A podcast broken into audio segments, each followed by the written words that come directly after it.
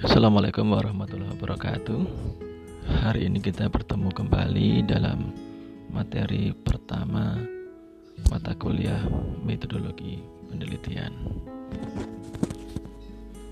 Materi ini dirancang selama 4 SKS. Artinya kita bertemu secara luring harusnya selama 4 jam 4 jam pelajaran waktu yang mungkin terlampau atau sangat panjang untuk sebuah mata kuliah teoritis. Tetapi mata kuliah MedPen ini tidak pure teoritis sebetulnya.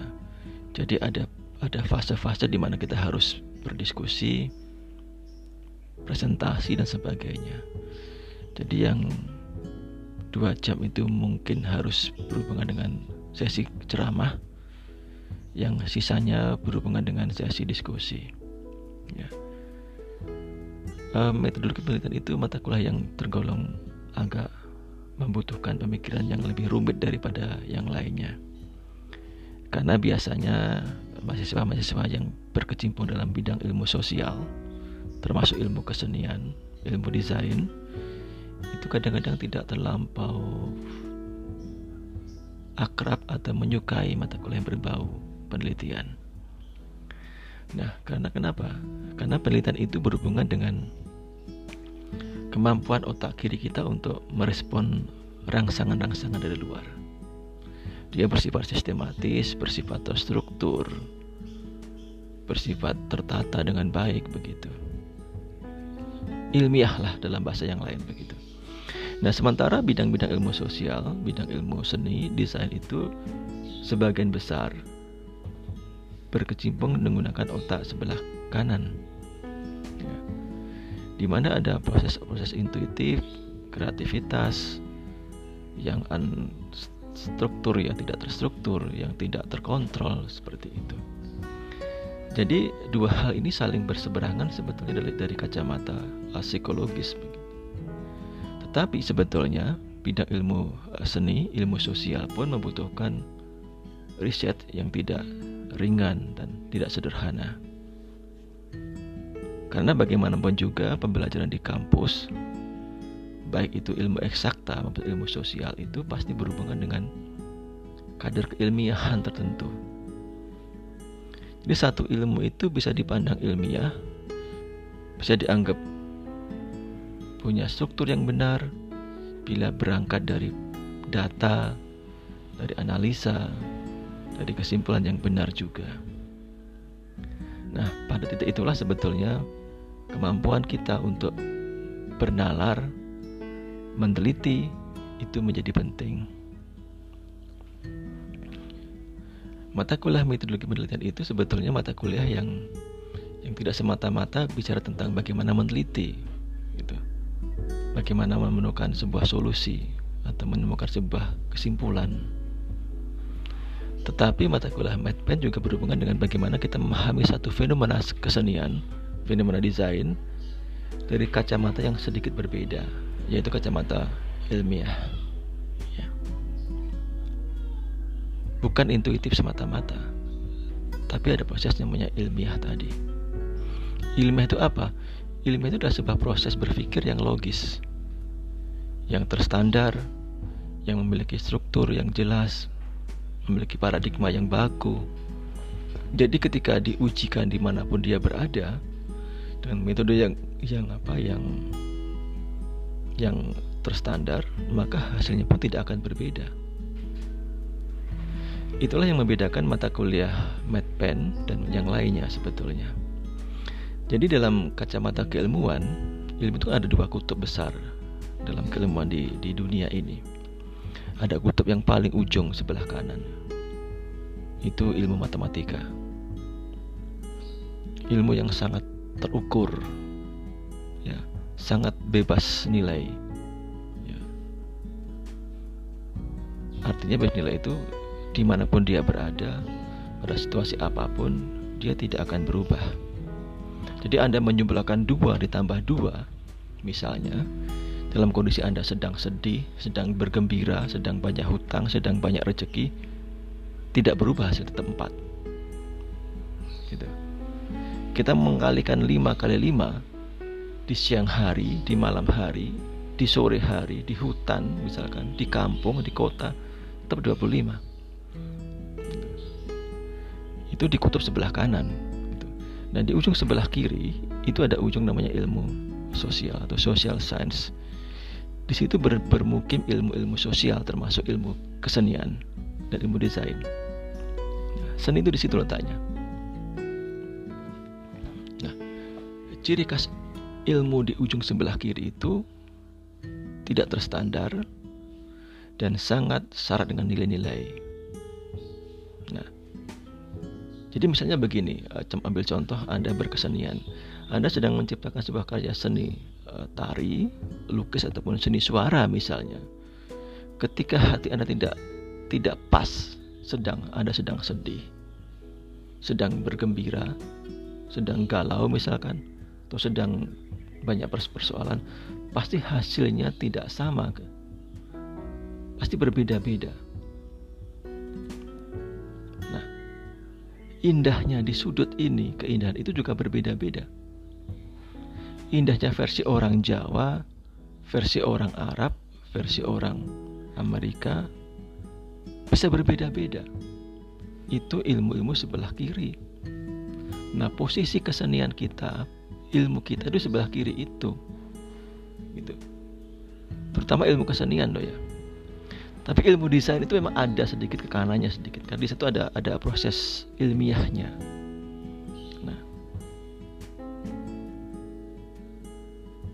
Kan begitu. Jadi ada ilmiahnya juga. Jadi kalau kita memberikan Anda mata pelajaran atau mata kuliah metodologi penelitian karena memang desain itu juga butuh riset butuh penelitian tidak serta-merta menjadi. Nah, sebetulnya di, di dunia ini ada tren ke arah sana bahwa sesuatu itu ada percampuran-percampuran ada mix keilmuan jadi du, yang dulu ilmu eksakta itu sangat sendirian. Seni itu sendirian begitu. Tiba-tiba di abad 20 pertengahan abad 20 itu mulai coba di disenyawakan, digabungkan begitu. Ternyata muncul ilmu-ilmu baru yang memang penggabungan dari dua hal tadi. Semakin ke sini, semakin ke sini, semakin terasa bahwa cara pandang orang tentang keilmuan itu sudah berbeda yang dulu sangat sektoral gitu loh. Jadi orang matematika tidak mau melihat tentang kesenian. Orang seni tidak mau bicara tentang fisika dan sebagainya. Mereka sangat sektoral yang sangat kuat. Tetapi di abad ke-21 itu semakin mencair. Ya. Kenapa demikian? Karena terjadi intersection cross cross ilmu itu ada jadi orang-orang matematika pun sekarang sudah mulai berpikir bagaimana menggunakan seni sebagai salah satu medianya. Gitu. Orang-orang seni pun juga mulai menggunakan fisika, kimia, bahkan matematika untuk eksplorasi uh, kreativitas mereka. Itu yang sekarang terjadi di sekitar kita. Gitu. Jadi hari ini Anda masuk dalam generasi yang mix tadi. Generasi yang lahir tahun 2000-an itu generasi yang mix, generasi yang hidup di alam-alam holistik hidup di di mana semua ilmu itu saling berhubungan. Itu beda dengan di masa saya dulu ketika ilmu itu sangat sektoral. Gitu. Hari ini tidak seperti itu. Gitu. Jadi kita tidak bisa bicara matematika pure matematika tok, tidak bisa. Seni tok tidak bisa. Mereka saling berhubungan. Kenapa begitu? Karena ada tren dalam keilmuan di, di, di dunia ini bahwa manusia itu makhluk yang sangat dinamis. Ya. makhluk yang sangat fungsional. Makhluk simbolis juga. Jadi fungsi manusia itu banyak sebetulnya. Sebagai makhluk makhluk fungsional maka dia tentu berpikir secara matematika. Tapi sebagai makhluk simbolis dia berpikir secara kesentik secara kesenian maaf secara kesenian secara desain secara simbol secara kultural tinggal tinggal kita di posisi mana kita berada. Nah, kenapa saya mulai dari paradigma keilmuan agar kita paham betul bahwa kenapa mata kuliah ini ada. Dalam paradigma keilmuan di, di dunia ini sebetulnya hari ini itu tidak ada lagi sekat-sekat yang yang sangat kuat seperti pada masa-masa abad ke-20 awal begitu. Nah, jadi sangat wajar ketika mahasiswa kedokteran misalkan belajar tentang Renaissance di Eropa. Gitu ya. Nah, orang-orang di uh, desain itu mulai belajar tentang atau mempelajari tentang fisika kuantum misalnya. Ini bukan hal yang aneh hari hari ini. Apalagi kalau Anda masuk ke era new media, sangat terasa itu mixnya. Gitu di mana misalkan fraktal, konsep fraktal yang dari fisika misalkan, itu bisa menjadi salah satu ide dalam seni pembatikan misalnya. Ya. Jadi menciptakan pola-pola batik itu tidak hanya dengan intuitif, dengan kreativitas manusia, tapi juga bisa diwakilkan dengan mesin namanya mesin. Juga kan dengan ilmu-ilmu yang lain. Kalau Anda pernah membaca batik fraktal mungkin akan mengetahui itu di mana motif itu bisa diulang, bisa dibentuk dengan hanya mengubah kode kodifikasi dalam sebuah eh, dalam satu sistem uh, posisi biner. Ya. Kalau kita bicara tentang sistem komput komputasi, komputerisasi itu sebetulnya kan hanya bermain dengan angka biner tuh, angka 0 dan 1. Pemaduan 0 1 1 0 0 1 ini menghasilkan pola-pola. Menghasilkan kode-kode Kode-kode ini akan ditransmisikan dalam bentuk-bentuk tertentu. Bisa bentuk-bentuk suara, bisa bentuk apa namanya warna, bisa bentuk-bentuk aktivitas gitu. Atau bentuk-bentuk yang lain. Nah, pengubahan kode-kode ini bisa memberikan pola-pola yang berulang gitu Nah, konsep inilah yang kemudian dijadikan basic teori, basic basic ilmuwan untuk menciptakan batik yang fraktal tadi. Jadi ornamentasi itu bisa dibentuk dengan mengubah susunan ini tadi misalkan dari kata kosong kos kosong satu kosong satu bisa jadi kosong kosong satu kosong seperti itulah. Jadi bisa berubah gitu loh. Artinya begini seperti hanya DNA manusia lah gitu loh. Jadi dari benda yang kecil itu DNA yang kecil itu yang hanya seukuran beberapa mikron itu itu bisa membawa pesan yang sangat kompleks dalam kehidupan manusia. DNA itu kan kode-kode sebetulnya yang di dalamnya bisa diekspresikan dalam bentuk apa? Warna kulit, bentuk muka, eh, model rambut dan sebagainya itu dari kode yang sangat kecil tadi. Ya, anda bisa bayangkan DNA manusia berapa kecilnya, lebih kecil daripada rambut gitu. Tapi dia bisa memuat banyak kode di situ itu. Kode-kode inilah yang kemudian diubah, direkayasa menjadi bentuk-bentuk yang diinginkan oleh manusia. Gitu. Kan ini sebetulnya tujuan ilmu yang yang sekarang itu kan mencoba merekayasa ini. Nah, konsep ini sebenarnya sama dengan konsep di komputer. Gitu loh. Kita kita mengubah kode-kode kode-kode di situ, kode-kode oposisi kode-kode binaritasnya. Maka sistemnya juga akan berubah juga. Gitu. Akan menghasilkan bentuk yang berbeda juga. Gitu. Nah, konsep inilah yang kemudian diterapkan dalam kesenian, dalam desain gitu loh. Kalau saya mengubah kode ini gimana bentuknya ya hasilnya seperti apa? Dalam desain itu namanya mungkin anda pernah mendengar namanya uh, chaos control. Jadi kontrol yang dikendalikan gitu. Itu salah satu dari dari kayak desain yang muncul pada abad ke-21 itu chaos control. Selain gaya punk, gaya riff, gaya kerian, gaya gaya game apa anime gitu itu muncul kayak chaos control. Jadi seakan-akan dia tidak tidak teratur gitu loh seperti hanya ketika Anda bermain objek dengan Photoshop atau dengan ya Photoshop aja lah, Photoshop atau AI lah misalkan. Itu kan bisa membentuk bentuk yang sangat rumit, yang seakan-akan itu tidak terkontrol. Padahal kita tahu bahwa di Photoshop itu kan itu ada beberapa tumpukan layer tuh, dari layer 1, 2, 3 sampai nggak terhingga. Nah, masing-masing layer ini ada perintah-perintahnya. Ada kode-kodenya. Kita mengubah kode di layar itu, maka mengubah bentuk di monitor. Kan begitu. Jadi sebetulnya yang tampak rumit, yang tampak tidak terstruktur itu sebenarnya ada ada strukturnya. Ada pola-polanya. Nah, itulah yang sebetulnya disebut dengan chaos control itu. Jadi kenapa akhirnya seni itu melirik ilmu fisika, ilmu informatika misalkan karena mereka bisa melihat kolaborasi ini di dampak-dampak kesenian dampak desain itu bisa di, di, dipengaruhi bisa di bahkan bisa di apa bisa dimodifikasi dengan mengubah kode kodifikasinya. Apalagi kalau anda bekerja dengan pure komputer. Pasti tahu itulah. Yang dimonitor itu tampaknya rumit tampaknya tidak ber, beraturan itu sebetulnya ada ada ada ada aturannya. Ada kontrolisasinya di situ. Dan itulah yang menjadi semangat dari uh, para desainer seniman di abad ke-21. Dia tidak alergi tentang perubah tentang ilmu eksakta. Dia sangat dekat dengan itu bahkan mencoba merangkul itu. Gitu loh. Jadi sangat salah ketika Anda berpikir ketika Anda masuk di DKV misalkan berpikir kita nggak bertemu dengan ilmu eksakta. Itu sangat salah. Harus diubah paradigma itu. Diubahlah gitu. Kenapa diubah?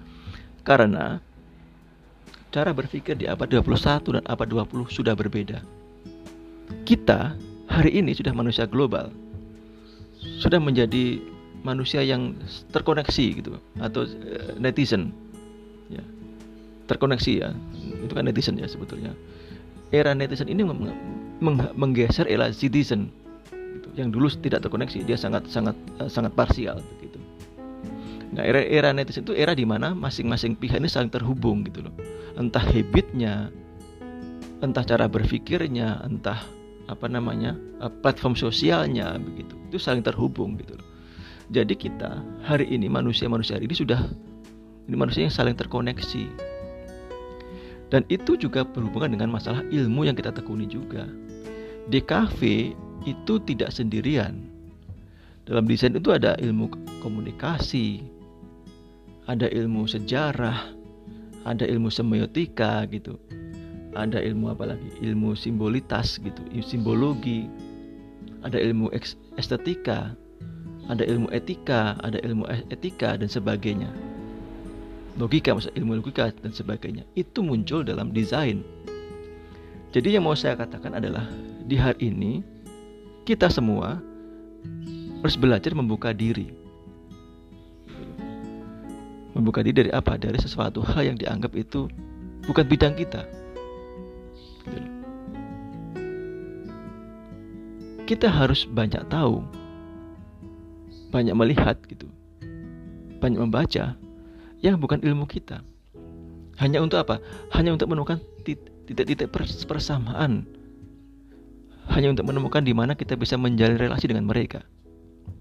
Misalnya, Anda belajar ilmu fisika, Bagaimanakah desain itu bisa dikaitkan dengan fisika? Anda belajar ilmu apa namanya uh, uh, uh, ekonomi misalkan. Bagaimana desain bisa dengan masalah ekonomi? Kalau di kafe jelas sekali bahwa kalau Anda bicara tentang marketing mix, maaf, marketing mix atau bauran pemasaran, itu jantungnya ekonomi. Marketing mix itu kan ada produk, ada tempat gitu, ada produk, ada place, ada promotion gitu kan. Dan promosi itu ada promotion mix. Dalam promotion mix itu ada namanya advertising, periklanan. Gitu. Nah, jadi kalau kita tarikkan ke situ, advertising itu bagian daripada bauran promosi. Nah, promosi itu bagian dari bauran pemasaran pemasaran itu bagian dari ilmu ekonomi. Nah, ini wilayah yang kita harus sadar betul bahwa dalam desain itu tidak tidak sendirian. Ada banyak ilmu yang harus kita pelajari, harus kita singgung gitu. Kita pahami walaupun tidak begitu dalam nggak masalah, tapi kita pahami itu. Jadi, mulai sekarang kita harus berpikir terbuka, berpikir inklusif. Bahwa desain itu tidak sendirian hari ini kita harus saling berinteraksi dengan banyak ilmu yang lain. Nah, di kuliah metode desain, sebetulnya, eh maaf, metode penelitian ini, kita itu mengambil beberapa beberapa kajian-kajian dari ilmu-ilmu yang lain. Kita pinjam untuk memecahkan masalah dalam desain. Nah, itu kata kuncinya. Gitu. Jadi sebetulnya kuliah kita itu bicara itu. Nanti barangkali kita bicara tentang bagaimanakah cara kita meneliti Meneliti apa? Banyak hal. Kalau kita bicara desain itu kan ada produknya, ada konsepnya, ada prosesnya, dan mungkin ada evaluasinya. Masing-masing step ini bisa kita teliti. Gitu. Jadi ngomong-ngomong penelitian desain tidak hanya ngomongin hasil akhir, tapi juga bicara prosesnya. Bahkan bicara konsep-konsepnya. Misalnya begini contohnya ya. Mengapa ya iklan rokok itu kok seperti itu? Seperti itu misalnya gini, tidak ada gambar rokoknya, nggak ada gambar orang merokok, dan sebagainya. Tentu ini kembali ke regulasi pemerintah kita, tetapi di balik itu ada ada maksud apa dari pengiklan misalnya. Nah, ini bicara tentang riset riset konsep. Gitu loh. Jarum 76 itu mengusung tema apa etnisitas orang Jawa yang jin itu misalkan begitu. Nah, kemudian gudang garam merah misalkan mengambil konsep tentang kelaki-lakian yang maco dan sebagainya. Gitu loh. Nah, ini sebuah sesuatu fenomena yang harus kita cermati sebagai satu fenomena desain. Konsep itu.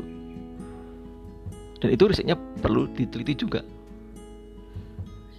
Kedua, misalnya produknya. Kenapa ya produk uh, minuman uh, kejantanan laki-laki itu berwarna merah kebanyakan?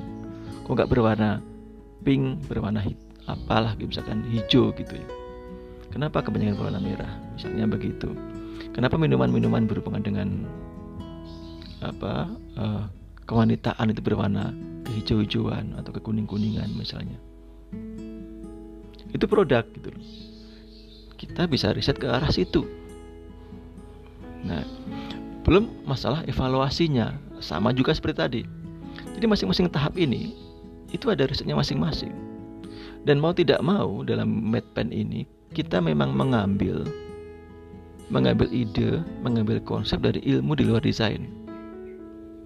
Ya, itu yang mesti kita uh, pahami ya. Kita mengambil ilmu dari ilmu luar desain. Ya, baik itu ilmu ekonomi, mungkin ilmu apa uh, riset yang lain, riset pengembangan. Jadi memang desain itu ilmu yang sangat sangat fleksibel, dia bisa digunakan oleh banyak orang bisa menggunakan banyak tools gitu ya yang penting hasilnya sama gitu. nah jadi MedPen itu adalah itu sebetulnya kita belajar memahami satu fenomena sebagai fenomena keilmiahan ya walaupun itu dari berangkatnya kreativitas dari intuitif misalkan tetapi di balik intuisi itu ada hal yang sangat masuk akal yang bisa kita pecahkan Jadi di MedPen itu kita belajar belajar belajar apa? Belajar ilmiah.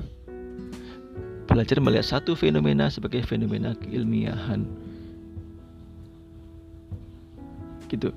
Karena jantungnya seorang sarjana adalah berpikir saintifik, berpikir ilmiah. Sebagai salah satu tolok ukur mereka untuk melihat satu fenomena. Gitu. Jadi Anda tetap diwajibkan belajar saat apa pun itulah. Itu dari kacamata keilmian walaupun itu mungkin tampaknya anilmiah lah tidak ilmiah atau mungkin dianggap supernatural dianggap klinik itu kan versi masyarakat awam. Versi masyarakat luar sana. Tapi sebagai seorang calon sarjana anda harus melihat semua hal sebagai dari kacamata keilmiahan dulu sebagai cara pandang ya karena kadang-kadang sesuatu itu menjadi uh, tidak ilmiah itu karena kita dari awal sudah mengklaim itu sebagai tidak ilmiah. Ya. Bisa jadi karena bekal kita untuk memahami itu tidak cukup. Atau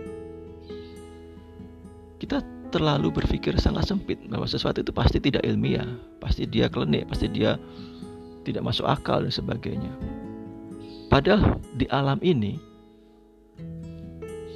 berlaku hukum alam kan. Hukum sebab akibat. Gitu loh. Kalau ada aksi pasti muncul reaksi. Kalau ada reaksi pasti ada ada aksi lebih dulu itu sebab akibat. Jadi satu fenomena itu bisa dijelaskan dengan satu fenomena yang lain. Gitu nah, itu paradigma seperti itu. Jadi orang-orang ilmiah itu berpikir seperti itu. Jadi tidak mungkin adanya ujuk-ujuk tiba-tiba itu tidak mungkin. Pasti ada penyebab as, penyebab awal gitu. Makanya kenapa para pakar geologi mem, apa namanya mencoba berpikir bagaimanakah asal muasal bumi misalkan gitu. Nah mereka melakukan riset tentang itu. Enggak hanya bumi gitu loh. Pakar-pakar biologi juga berpikir kira-kira manusia pertama dulu siapa ya? Bagaimana bentuknya? Terlepas dari mereka yakin agama apa, tapi dia mencari jawaban untuk itu. Kenapa dia berpikir begitu? Karena dia harus mencari sebab dan menemukan akibat. Paradigma di alam itu seperti itu. Jadi melihatnya pasti saling beriringan, tidak sendirian, tidak tidak tunggal begitu loh. Nah, konsep kun fayakun itu kan hanya ada di di alam lain, mungkin nggak di dunia ini, gitu loh di dunia ini kalau ada ber, anda Islam akan tahu dari kun ke fayakun itu ada proses. Nah inilah tugas manusia untuk menemukan menemukannya.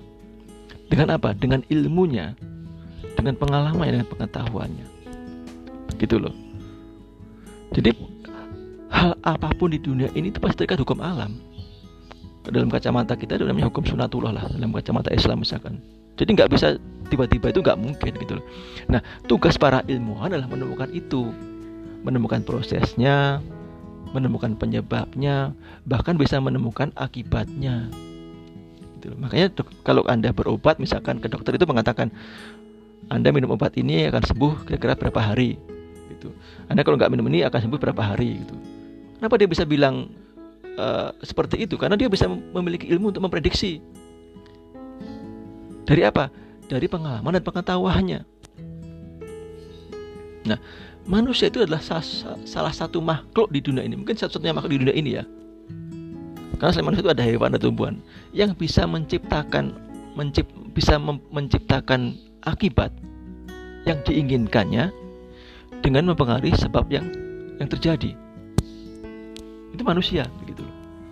Makhluk lain nggak bisa gitu loh. Jadi Anda bisa memperkirakan nanti kalau saya ubah sebabnya begini, maka hasilnya akan seperti itu. Jadi kita bisa memperkirakan akibat dengan mempengaruhi penyebab. Nah, inilah pentingnya riset, pentingnya penelitian itu di situ. Gitu Dalam kacamata ilmiah seperti itu. Jadi Anda nanti bisa mengatakan iklan saya ini akan laku bila seperti ini. Kenapa? Karena ada pertimbangan segmentasi, pertimbangan positioning, pertimbangan targeting dan sebagainya itu. Nah, itulah yang mau kita sampaikan di kuliah saya tentang metodologi penelitian itu.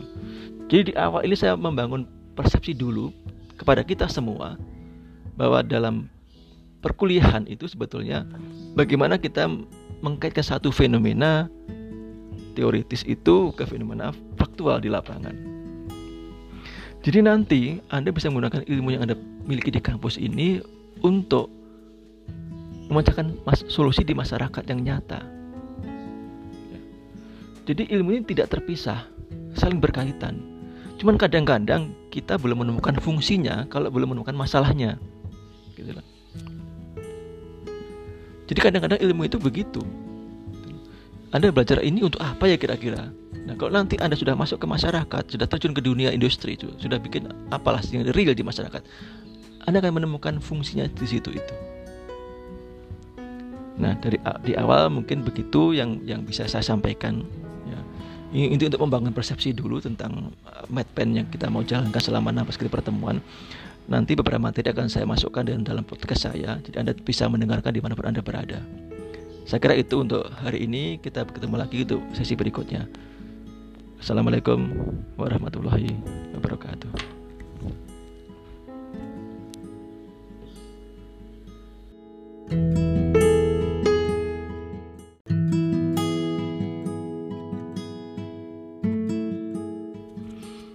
Assalamualaikum warahmatullahi wabarakatuh. Hari ini kita bertemu kembali dalam materi pertama mata kuliah metodologi penelitian. Materi ini dirancang selama 4 SKS. Artinya kita bertemu secara luring harusnya selama 4 jam 4 jam pelajaran waktu yang mungkin terlampau atau sangat panjang untuk sebuah mata kuliah teoritis. Tetapi mata kuliah MedPen ini tidak pure teoritis sebetulnya. Jadi ada ada fase-fase di mana kita harus berdiskusi, presentasi dan sebagainya. Jadi yang dua jam itu mungkin harus berhubungan dengan sesi ceramah, yang sisanya berhubungan dengan sesi diskusi. Ya. Uh, metodologi penelitian itu mata kuliah yang tergolong agak membutuhkan pemikiran yang lebih rumit daripada yang lainnya. Karena biasanya mahasiswa-mahasiswa yang berkecimpung dalam bidang ilmu sosial, termasuk ilmu kesenian, ilmu desain, itu kadang-kadang tidak terlampau akrab atau menyukai mata kuliah yang berbau penelitian. Nah, karena kenapa? Karena penelitian itu berhubungan dengan kemampuan otak kiri kita untuk merespon rangsangan-rangsangan dari luar. Dia bersifat sistematis, bersifat terstruktur, bersifat tertata dengan baik begitu. Ilmiah lah dalam bahasa yang lain begitu. Nah, sementara bidang-bidang ilmu sosial, bidang ilmu seni, desain itu sebagian besar berkecimpung menggunakan otak sebelah kanan di mana ada proses-proses intuitif, kreativitas yang unstruktur ya tidak terstruktur, yang tidak terkontrol seperti itu. Jadi dua hal ini saling berseberangan sebetulnya dari, dari kacamata psikologis. Tetapi sebetulnya bidang ilmu seni, ilmu sosial pun membutuhkan riset yang tidak ringan dan tidak sederhana. Karena bagaimanapun juga pembelajaran di kampus baik itu ilmu eksakta maupun ilmu sosial itu pasti berhubungan dengan kadar keilmiahan tertentu. Jadi satu ilmu itu bisa dipandang ilmiah, bisa dianggap punya struktur yang benar bila berangkat dari data, dari analisa, dari kesimpulan yang benar juga. Nah, pada titik itulah sebetulnya kemampuan kita untuk bernalar, meneliti itu menjadi penting. Mata kuliah metodologi penelitian itu sebetulnya mata kuliah yang yang tidak semata-mata bicara tentang bagaimana meneliti, gitu. Bagaimana menemukan sebuah solusi atau menemukan sebuah kesimpulan. Tetapi mata kuliah MedPen juga berhubungan dengan bagaimana kita memahami satu fenomena kesenian fenomena desain dari kacamata yang sedikit berbeda, yaitu kacamata ilmiah. Ya. Bukan intuitif semata-mata, tapi ada proses namanya ilmiah tadi. Ilmiah itu apa? Ilmiah itu adalah sebuah proses berpikir yang logis, yang terstandar, yang memiliki struktur yang jelas, memiliki paradigma yang baku. Jadi ketika diujikan di mana pun dia berada, dengan metode yang yang apa yang yang terstandar maka hasilnya pun tidak akan berbeda. Itulah yang membedakan mata kuliah MedPen dan yang lainnya sebetulnya. Jadi dalam kacamata keilmuan ilmu itu ada dua kutub besar dalam keilmuan di, di dunia ini. Ada kutub yang paling ujung sebelah kanan itu ilmu matematika. Ilmu yang sangat terukur sangat bebas nilai ya. artinya bebas nilai itu di mana pun dia berada pada situasi apa pun dia tidak akan berubah jadi anda menjumlahkan dua ditambah dua misalnya dalam kondisi Anda sedang sedih, sedang bergembira, sedang banyak hutang, sedang banyak rezeki, tidak berubah hasil tetap empat. Gitu kita mengkalikan 5 kali 5 di siang hari, di malam hari, di sore hari, di hutan misalkan, di kampung, di kota, tetap 25. Itu di kutub sebelah kanan. Dan di ujung sebelah kiri itu ada ujung namanya ilmu sosial atau social science. Di situ ber, bermukim ilmu-ilmu sosial termasuk ilmu kesenian dan ilmu desain. Seni itu di situ letaknya. ciri khas ilmu di ujung sebelah kiri itu tidak terstandar dan sangat syarat dengan nilai-nilai. Nah, jadi misalnya begini, eh, ambil contoh Anda berkesenian. Anda sedang menciptakan sebuah karya seni eh, tari, lukis ataupun seni suara misalnya. Ketika hati Anda tidak tidak pas, sedang Anda sedang sedih, sedang bergembira, sedang galau misalkan, atau sedang banyak persoalan, pasti hasilnya tidak sama. Pasti berbeda-beda.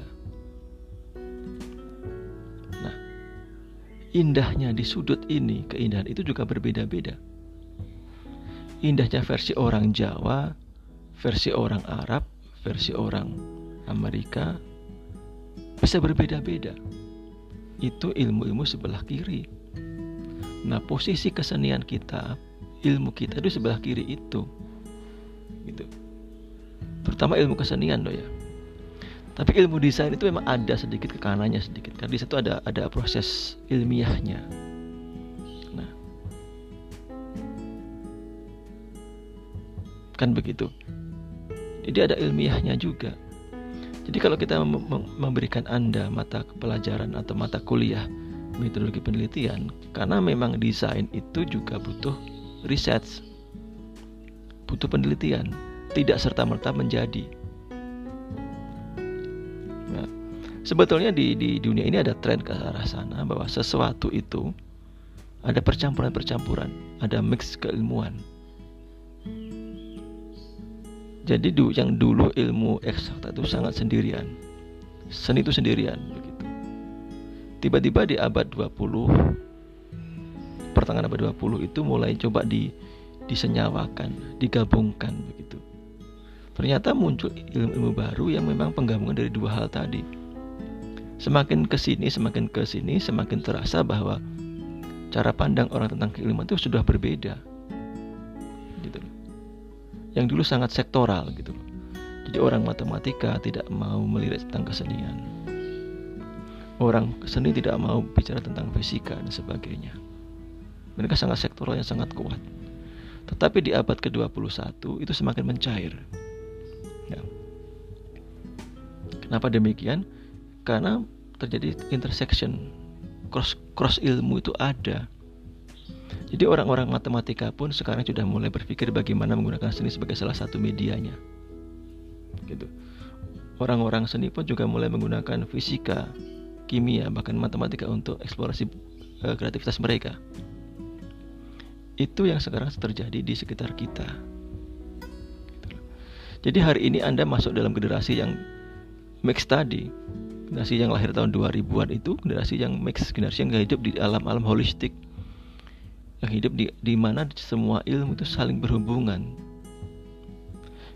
Itu beda dengan di masa saya dulu ketika ilmu itu sangat sektoral. Gitu. Hari ini tidak seperti itu. Jadi kita tidak bisa bicara matematika pure matematika tok, tidak bisa. Seni tok tidak bisa. Mereka saling berhubungan. Kenapa begitu? Karena ada tren dalam keilmuan di, di, di dunia ini bahwa manusia itu makhluk yang sangat dinamis ya. makhluk yang sangat fungsional makhluk simbolis juga jadi fungsi manusia itu banyak sebetulnya sebagai makhluk makhluk fungsional maka dia tentu berpikir secara matematika. Tapi sebagai makhluk simbolis dia berpikir secara kesentik secara kesenian maaf secara kesenian secara desain secara simbol secara kultural. Itu tinggal tinggal kita di posisi mana kita berada. Nah, kenapa saya mulai dari paradigma keilmuan? Agar kita paham betul bahwa kenapa mata kuliah ini ada. Dalam paradigma keilmuan di, di dunia ini sebetulnya hari ini itu tidak ada lagi sekat-sekat yang yang sangat kuat seperti pada masa-masa abad ke-20 awal begitu. Nah, jadi sangat wajar ketika mahasiswa kedokteran misalkan belajar tentang Renaissance di Eropa. Gitu ya. Nah orang-orang di uh, desain itu mulai belajar tentang atau mempelajari tentang fisika kuantum misalnya. Ini bukan hal yang aneh hari hari ini apalagi kalau anda masuk ke era new media sangat terasa itu mixnya gitu. Di mana misalkan fraktal konsep fraktal yang dari fisika misalkan itu bisa menjadi salah satu ide dalam seni pembatikan misalnya. Ya. jadi menciptakan pola-pola batik itu tidak hanya dengan intuitif dengan kreativitas manusia tapi juga bisa diwakilkan dengan mesin namanya mesin juga kan dengan ilmu-ilmu yang lain kalau anda pernah membaca batik fraktal mungkin akan mengetahui itu di mana motif itu bisa diulang, bisa dibentuk dengan hanya mengubah kode kodifikasi dalam sebuah eh, dalam satu sistem uh, posisi biner. Ya. Kalau kita bicara tentang sistem komput komputasi, komputerisasi itu sebetulnya kan hanya bermain dengan angka biner tuh, angka 0 dan 1. Pemaduan 0 1 1 0 0 1 ini menghasilkan pola-pola. Menghasilkan kode-kode Kode-kode ini akan ditransmisikan dalam bentuk-bentuk tertentu. Bisa bentuk-bentuk suara, bisa bentuk apa namanya warna, bisa bentuk-bentuk aktivitas gitu, atau bentuk-bentuk yang lain. Nah, pengubahan kode-kode ini bisa memberikan pola-pola yang berulang, Nah, konsep inilah yang kemudian dijadikan basic basic basic ilmuwan untuk menciptakan batik yang fraktal tadi. Jadi ornamentasi itu bisa dibentuk dengan mengubah susunan ini tadi. Misalkan dari kata kosong kos kosong satu kosong satu bisa jadi kosong kosong satu kosong seperti itulah. Jadi bisa berubah gitu loh. Artinya begini seperti hanya DNA manusia lah gitu loh.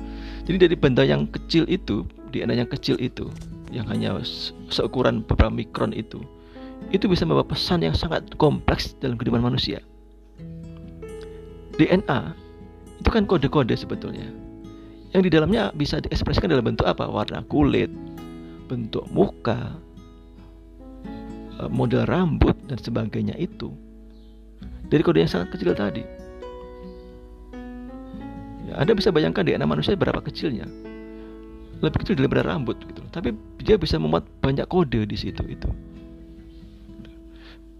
Kode-kode inilah yang kemudian diubah, direkayasa menjadi bentuk-bentuk yang diinginkan oleh manusia. Gitu. Kan ini sebetulnya tujuan ilmu yang yang sekarang itu kan mencoba merekayasa ini. Nah, konsep ini sebenarnya sama dengan konsep di komputer.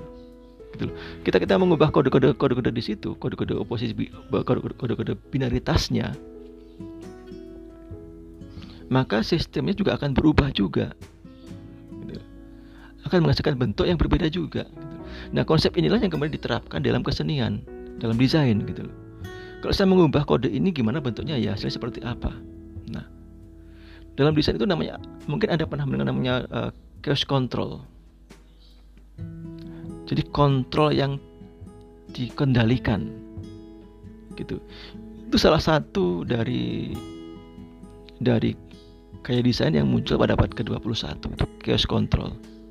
Selain gaya punk, gaya riff, gaya kerian, kayak kayak game apa anime gitu itu muncul kayaknya chaos control jadi seakan-akan dia tidak tidak teratur gitu loh seperti hanya ketika Anda bermain objek dengan Photoshop atau dengan eh, aja lah, Photoshop atau AI lah misalkan.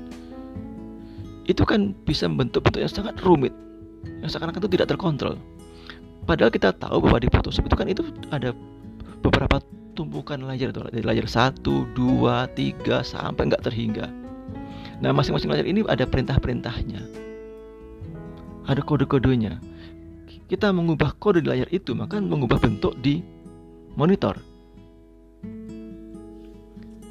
Kan begitu.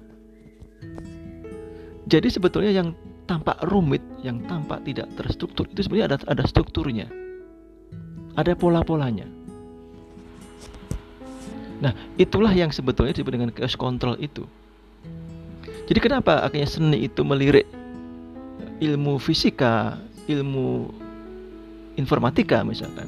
Karena mereka bisa melihat kolaborasi ini di dampak-dampak kesenian, dampak desain itu bisa di, di, dipengaruhi, bisa di bahkan bisa di apa bisa dimodifikasi dengan mengubah kode, kode kodifikasinya. Apalagi kalau Anda bekerja dengan pure komputer. Pasti tahu itulah. Yang dimonitor itu tampaknya rumit, tampaknya tidak ber, beraturan, itu sebenarnya ada ada ada ada aturannya. Ada kontrolisasinya di situ. Dan itulah yang menjadi semangat dari uh, para desainer seniman di abad ke-21. Dia tidak alergi tentang perubah tentang ilmu eksakta. Dia sangat dekat dengan itu bahkan mencoba merangkul itu. Jadi sangat salah ketika Anda berpikir ketika Anda masuk di DKV misalkan berpikir kita nggak bertemu dengan ilmu eksakta. Itu sangat salah. Harus diubah paradigma itu. Diubahlah gitu. Kenapa diubah? Karena cara berpikir di abad 21 dan abad 20 sudah berbeda. Kita hari ini sudah manusia global. Sudah menjadi manusia yang terkoneksi gitu atau eh, netizen. Ya. Terkoneksi ya. Itu kan netizen ya sebetulnya. Era netizen ini menggeser era citizen gitu. Yang dulu tidak terkoneksi, dia sangat sangat eh, sangat parsial begitu. Nah, era era netizen itu era di mana masing-masing pihak ini saling terhubung gitu loh. Entah habitnya, entah cara berpikirnya, entah apa namanya eh, platform sosialnya begitu. Itu saling terhubung gitu loh. Jadi kita hari ini manusia-manusia ini sudah ini manusia yang saling terkoneksi. Dan itu juga berhubungan dengan masalah ilmu yang kita tekuni juga. DKV itu tidak sendirian. Dalam desain itu ada ilmu komunikasi, ada ilmu sejarah, ada ilmu semiotika gitu. Ada ilmu apa lagi? Ilmu simbolitas gitu, simbologi. Ada ilmu estetika, ada ilmu etika, ada ilmu e-, etika dan sebagainya. Logika, maksud ilmu logika dan sebagainya. Itu muncul dalam desain. Jadi yang mau saya katakan adalah di hari ini kita semua harus belajar membuka diri membuka diri dari apa? Dari sesuatu hal yang dianggap itu bukan bidang kita. Kita harus banyak tahu, banyak melihat gitu, banyak membaca yang bukan ilmu kita. Hanya untuk apa? Hanya untuk menemukan titik-titik persamaan. Hanya untuk menemukan di mana kita bisa menjalin relasi dengan mereka. Misalnya, Anda belajar ilmu fisika, Bagaimanakah desain itu bisa dikaitkan dengan fisika? Anda belajar ilmu apa namanya uh, uh, uh, ekonomi misalkan. Bagaimana desain bisa dengan masalah ekonomi? Kalau di kafe jelas sekali bahwa kalau Anda bicara tentang marketing mix, maaf, marketing mix atau bauran pemasaran, itu jantungnya ekonomi. Marketing mix itu kan ada produk, ada tempat gitu, ada produk, ada place, ada promotion gitu kan. Dan promosi itu ada promotion mix. Dalam promotion mix itu ada namanya advertising, periklanan. Nah, jadi kalau kita tarikkan ke situ, advertising itu bagian daripada bauran promosi. Nah, promosi itu bagian dari bauran pemasaran pemasaran itu bagian dari ilmu ekonomi. Nah, ini wilayah yang kita harus sadar betul bahwa dalam desain itu tidak tidak sendirian. Ada banyak ilmu yang harus kita pelajari, harus kita singgung gitu. Kita pahami walaupun tidak begitu dalam nggak masalah, tapi kita pahami itu. Jadi, mulai sekarang kita harus berpikir terbuka, berpikir inklusif, bahwa desain itu tidak sendirian bahwa hari ini kita harus saling berinteraksi dengan banyak ilmu yang lain. Nah, di kuliah metode desain, sebetulnya, eh maaf, metode penelitian ini, kita itu mengambil beberapa beberapa kajian-kajian dari ilmu-ilmu yang lain. Kita pinjam untuk memecahkan masalah dalam desain. Nah, itu kata kuncinya. Gitu. Jadi sebetulnya kuliah kita itu bicara itu. Nanti barangkali kita bicara tentang bagaimanakah cara kita meneliti Meneliti apa? Banyak hal. Ya. Kalau kita bicara desain itu kan ada produknya, ada konsepnya, ada prosesnya, dan mungkin ada evaluasinya. Masing-masing step ini bisa kita teliti. Jadi ngomong-ngomong penelitian desain tidak hanya ngomongin hasil akhir, tapi juga bicara prosesnya, bahkan bicara konsep-konsepnya. Misalnya begini contohnya ya. Mengapa ya iklan rokok itu kok seperti itu seperti itu misalnya gitu, tidak ada gambar rokoknya nggak ada gambar orang merokok dan sebagainya tentu ini kembali ke regulasi pemerintah kita tetapi di balik itu ada ada maksud apa dari pengiklan misalnya nah ini bicara tentang riset riset konsep. Gitu loh. Jarum 76 itu mengusung tema apa etnisitas orang Jawa yang jin itu misalkan begitu. Nah kemudian gudang garam merah misalkan mengambil konsep tentang kelaki-lakian yang maju dan sebagainya. Gitu loh. Nah ini sebuah sesuatu fenomena yang harus kita cermati sebagai satu fenomena desain konsep itu. Dan itu risetnya perlu diteliti juga. Kedua misalnya produknya. Kenapa ya produk uh, minuman uh, kejantanan? Laki-laki itu berwarna merah kebanyakan. Kok nggak berwarna pink berwarna hit, apalah misalkan hijau gitu ya. Kenapa kebanyakan berwarna merah? Misalnya begitu. Kenapa minuman-minuman berhubungan dengan apa uh, kewanitaan itu berwarna kehijau-hijauan atau kekuning-kuningan misalnya itu produk gitu kita bisa riset ke arah situ nah belum masalah evaluasinya sama juga seperti tadi. Jadi masing-masing tahap ini itu ada risetnya masing-masing. Dan mau tidak mau dalam MedPen ini kita memang mengambil mengambil ide, mengambil konsep dari ilmu di luar desain. Itu yang mesti kita uh, pahami ya. Kita mengambil ilmu dari ilmu luar desain. Ya, baik itu ilmu ekonomi, mungkin ilmu apa uh, riset yang lain, riset pengembangan, jadi memang desain itu ilmu yang sangat sangat fleksibel, dia bisa digunakan oleh banyak orang, bisa menggunakan banyak tools gitu ya. Yang penting hasilnya sama. Gitu. Nah, jadi MedPen itu adalah itu sebetulnya. Kita belajar memahami satu fenomena sebagai fenomena keilmiahan. Ya. Walaupun itu dari berangkatnya kreativitas, dari intuitif misalkan, tetapi di balik intuisi itu ada hal yang sangat masuk akal yang bisa kita pecahkan. Jadi di MedPen itu kita belajar belajar belajar apa? Belajar ilmiah. Belajar melihat satu fenomena sebagai fenomena keilmiahan. Gitu.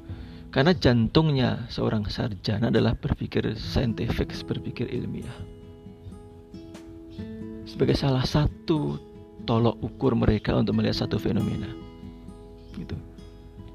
Jadi Anda tetap diwajibkan belajar saat apa pun itulah itu dari kacamata keilmian walaupun itu mungkin tampaknya anilmiah lah tidak ilmiah atau mungkin dianggap supernatural dianggap klinik itu kan versi masyarakat awam versi masyarakat luar sana tapi sebagai seorang calon sarjana anda harus melihat semua hal sebagai dari kacamata keilmiahan dulu sebagai cara pandang ya karena kadang-kadang sesuatu itu menjadi uh, tidak ilmiah itu karena kita dari awal sudah mengklaim itu sebagai tidak ilmiah.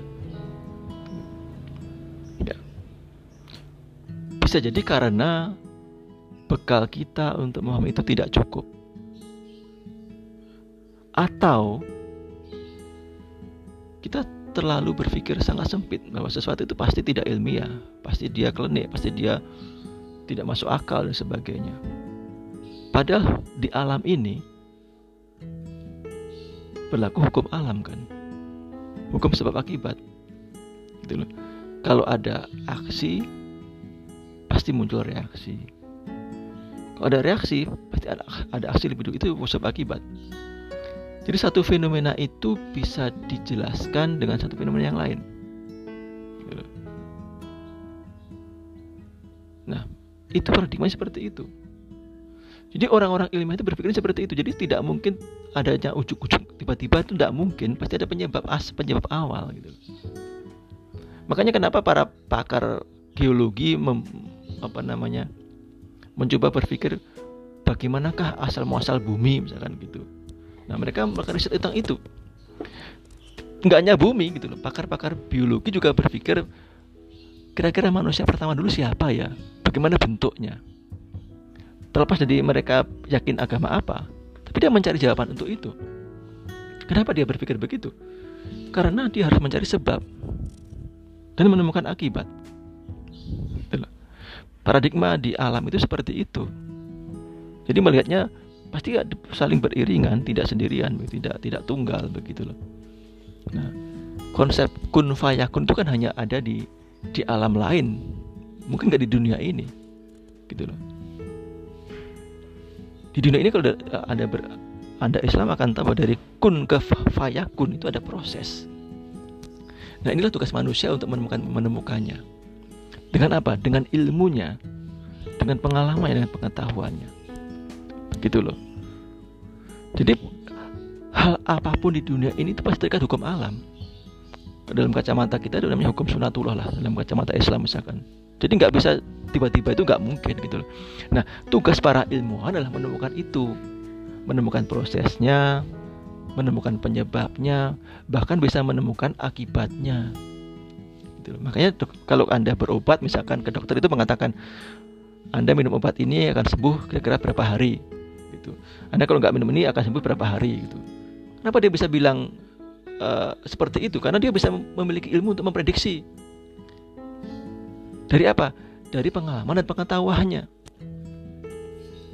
Nah, manusia itu adalah salah satu makhluk di dunia ini. Mungkin satu-satunya makhluk di dunia ini ya. Karena selain manusia itu ada hewan dan tumbuhan yang bisa menciptakan mencip, bisa mem, menciptakan akibat yang diinginkannya dengan mempengaruhi sebab yang yang terjadi. Itu manusia begitu makhluk lain nggak bisa gitu loh. Jadi anda bisa memperkirakan nanti kalau saya ubah sebabnya begini maka hasilnya akan seperti itu. Jadi kita bisa memperkirakan akibat dengan mempengaruhi penyebab nah inilah pentingnya riset pentingnya penelitian itu di situ gitu dalam kacamata ilmiah seperti itu jadi Anda nanti bisa mengatakan iklan saya ini akan laku bila seperti ini. Kenapa? Karena ada pertimbangan segmentasi, pertimbangan positioning, pertimbangan targeting dan sebagainya itu. Nah, itulah yang mau kita sampaikan di kuliah saya tentang metodologi penelitian itu. Jadi di awal ini saya membangun persepsi dulu kepada kita semua bahwa dalam perkuliahan itu sebetulnya bagaimana kita mengkaitkan satu fenomena teoritis itu ke fenomena faktual di lapangan. Jadi nanti Anda bisa menggunakan ilmu yang Anda miliki di kampus ini untuk memecahkan solusi di masyarakat yang nyata. Ya. Jadi ilmu ini tidak terpisah, saling berkaitan. Cuman kadang-kadang kita belum menemukan fungsinya kalau belum menemukan masalahnya. Gitu Jadi kadang-kadang ilmu itu begitu. Anda belajar ini untuk apa ya kira-kira? Nah, kalau nanti Anda sudah masuk ke masyarakat, sudah terjun ke dunia industri itu, sudah bikin apalah yang real di masyarakat, Anda akan menemukan fungsinya di situ itu. Nah, dari di awal mungkin begitu yang yang bisa saya sampaikan itu untuk membangun persepsi dulu tentang uh, Mad Pen yang kita mau jalankan selama nafas kali pertemuan. Nanti beberapa materi akan saya masukkan dalam, dalam podcast saya jadi Anda bisa mendengarkan di mana pun Anda berada. Saya kira itu untuk hari ini. Kita ketemu lagi untuk sesi berikutnya. Assalamualaikum warahmatullahi wabarakatuh.